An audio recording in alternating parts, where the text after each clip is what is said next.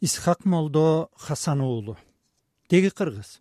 Ал бир миң сегиз жүз жетимиш үчүнчү жылы кокон ханы кудаярга каршы башталган көтөрүлүштүн жетекчилеринин бири. бир миң сегиз жүз жетимиш бешинчи жылы жыйырма жетинчи сентябрда анжияндын ботокара кыштагында полот хан деген ат менен экинчи жолу кан көтөрүлөт.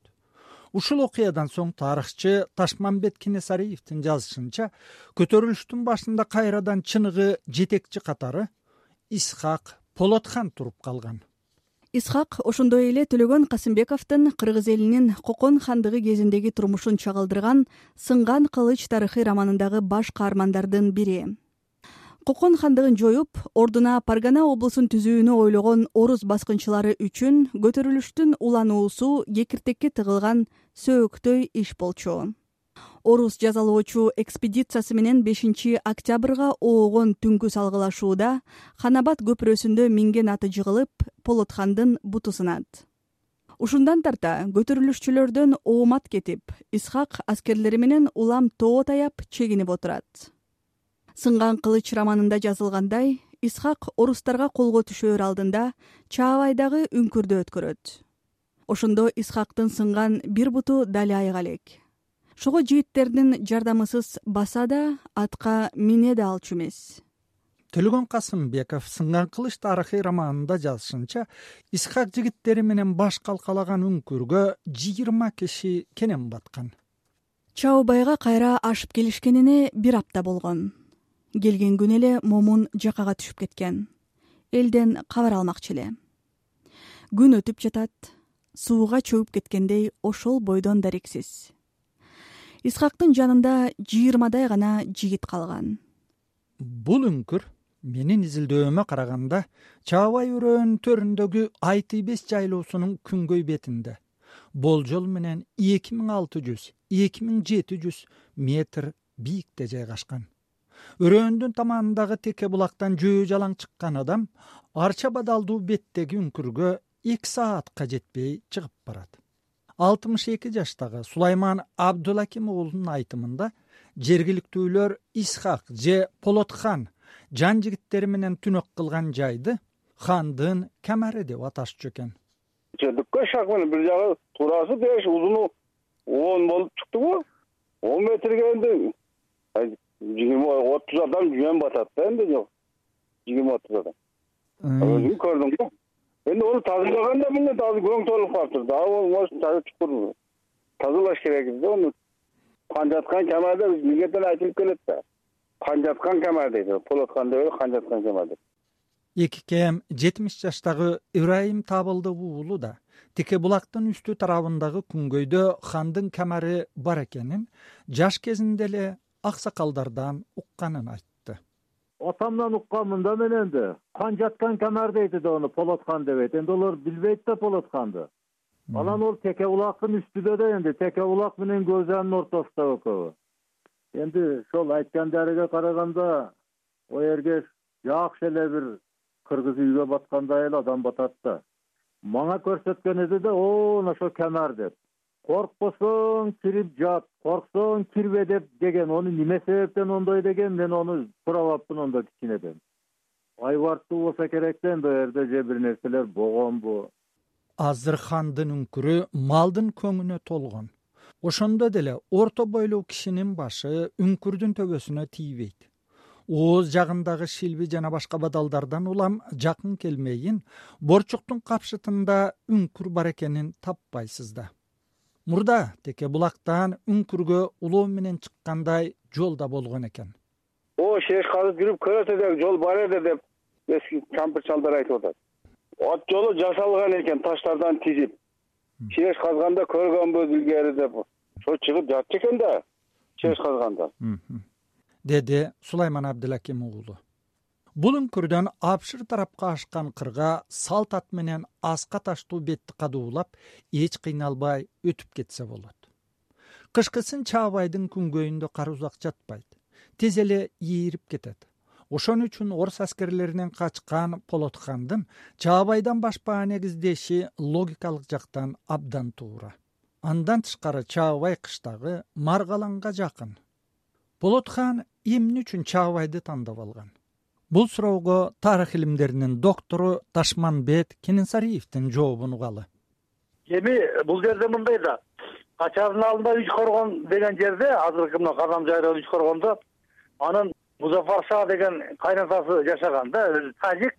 Ошол жерде жашап сыныгып жазга чейин күтүп анан кайрадан кол топтоп күрөш үчүн ошоке токтогондо ал жакеде кол салышат да. Анан кол салганда бул чоң алайга карата качкан анткени чоң алайда биринчиден ал тоолуу тоолуу жак анан жанагы болот хан армиясын колдогон эл ошол жакта болгон. Абылдыбектин дагы немелери бар болчу туугандары. Абылдыбек болсо ошол мезгилде кокондун мэри болуп турган ошо болот хан буйругу боюнча. Анан ошон үчүн качканго дейм чамасы анан анын үстүнө ошо музафар шаанын райым шаа деген дагы бир тууганы кара тегинди бийлеп аткан мезгил да ошол мезгилде.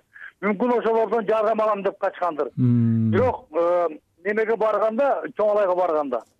Чоң алайга жетет биринчи ал миш байрам менен миш байрамдын башы бар эле чоң алайдан чоң алайдан түшөт да дарбаз койгон жанынан. Ошондо вдруг эле музафар шаанын иниси райым шаа буларга кол салат экен. Анан кол салганда алардан дагы мындай жардам албаган көз жеткенден кайра келип алайдын ошо шорт капчыгайына кирип кеткен деп жазылат да деди тарых илимдеринин доктору ташманбет кененсариев. Сиздер болотхандын үңкүрү деген берүүнү угуп жатасыздар. Бир жүз кырк эки жыл мурда болотхан жашынган үңкүрдө окуя андан ары кандай өнүктү? Ал үчүн сынган кылыч романын окуп көрөлү. Мырзакул жүз башы кирди эч кабар жокпу деди исхак башын көтөрүп. Мырзакулдун кейпинен жадаганы көрүндү. Жокко деп тоңгон колун укалап отко умтулду мени кароол дөбөгө алып баргылачы кароол дөбө кароол дөбө деген энче бар экен. Туш тарабы ачык. Арт жагын караса ашуунун бели алды жагын караса асыл фаргана мелмилдеп алаканда турган топудай соксойгон бийик жер экен жигиттер исхакты замбил менен көтөрүп келишти да кароол таштын үстүнө отургузушту. Тээ алда кайда ак тилек кылып ак жоолук салынган эне сыяктуу чаткалдын кыркасы бүлбүлдөйт. Этеги ташкен башы суусамырга андан ары тогуз торо багытына жалганып өзгөн алай куу алай тоолору чиркелишип исхактын оң кол тарабына имерилип жатты. Сол кол тарабынан улуу тоо уланып кыргыз ата алтын бешик тутумдашып бир учу сары көл тоолоруна жалганып бир учу ичке ийе тарта кожонду курчап түгөнөт. Ушул жерден тактоо киргизүү зарыл. Теке таштын астындагы хандын үңкүрүнөн төлөгөн касымбеков сүрөттөгөн караоол дөбөгө чейин алыс. Ат менен кеминде бир сааттык жол. Караоол дөбөдө кыштын күнү турсун жайдын чак ортосунда да асманды ала булут каптаса жеңил кийимчен адам бир саатка чыдаары күмөн. Сен муздак шамал согуп ичи койнуңа кирип сууктан далда издей баштайсың. Себеби караоол дөбө жайгашкан көбүзан кырынын чокусу деңиз деңгээлинен үч миң эки жүз жетимиш беш метр бийик. Ошого болотхандын жыйырма жигити менен караоол дөбөнүн так астындагы үңкүргө кычыраган кышта бараары күмөн. Бирок төлөгөн касымбековдун сүрөттөөсүн окуп жатып жазуучу караоол дөбөдө болгон экен деп ойлойсуң. Сынган кылыч романын окуганды уланталы. Исхакты жигиттер караоол дөбөдөн көтөрүп үңкүргө алып келишти. Жигиттердин суур кейпин көргөн исхак эмне болуп кетти силерге? деди кайгы менен. Момун туталана сүйлөдү. Карачы бул итти мунун кара ишине макул болбогон баатырларды байлатып таштаптыр эшиктен кирип келсем эле мага өзү чап салып жүрбөйбү бу чыккынчы сени баш кылып баарыбызды атка таңып берип искөбүл пашадан сыйлык алат имиш. Исхак эмне дээрин билбей калды. Колу бош турган жигиттерди кыдырата тиктеди баарынын кабагы салыңкы баары бир ооз сыяктуу. Өңкөй мырзакулга ыкташ а мырзакул бери карабайт. Көзүн көзгө урунтпайт демек бети кара ниети кара искөбүл паша менен насиридиндин издегени биз экен деп муңканды момун. Эми исхак үшүгөндөй калчылдады. Иә деп онтоду ушундайбы. Издегени биз болсок анда биздин тирүү жүргөнүбүз өз элибиз үчүн жапа болуп жаткан экен го. Эч ким унчуккан жок. Тууралыгын баары мойнуна алгандай. Канга боелгон көйнөгүбүздү көрбөй эл үмүтүн үзбөс душмандын көкшүнү суубас өчөштүгү тынчыбас деди исхак. Таштан наркескен кылычты момун баатыр өзүң байла колумду өзүң байла колумду дейт полотхан өзү.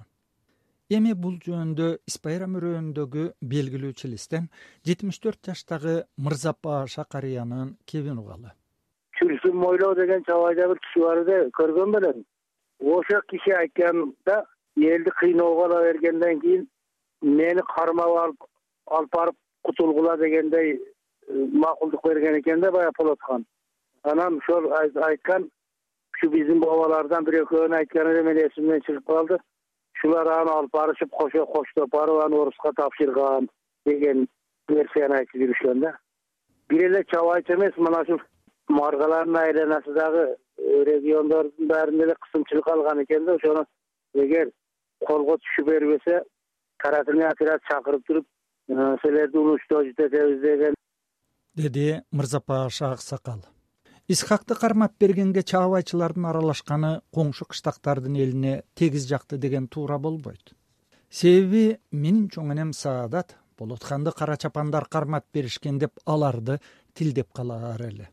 Ташманбет кененсариевдин жазышынча генерал скобелев исхакты кармап келүү үчүн алайтоолоруна маргалаңдык мырзакул жана оштук бекжан башында турган отуз кишилик топ жиберет алар тагдырга моюн сунуп куугунчуларды каршылыксыз күтүп отурган исхакты он тогузунчу февраль күнү туткундашкан түркстандын генерал губернатору кауфмандын буйругуна ылайык исхак же полотхан биринчи март күнү маргалаң шаарындагы чоң базарда дарга асылган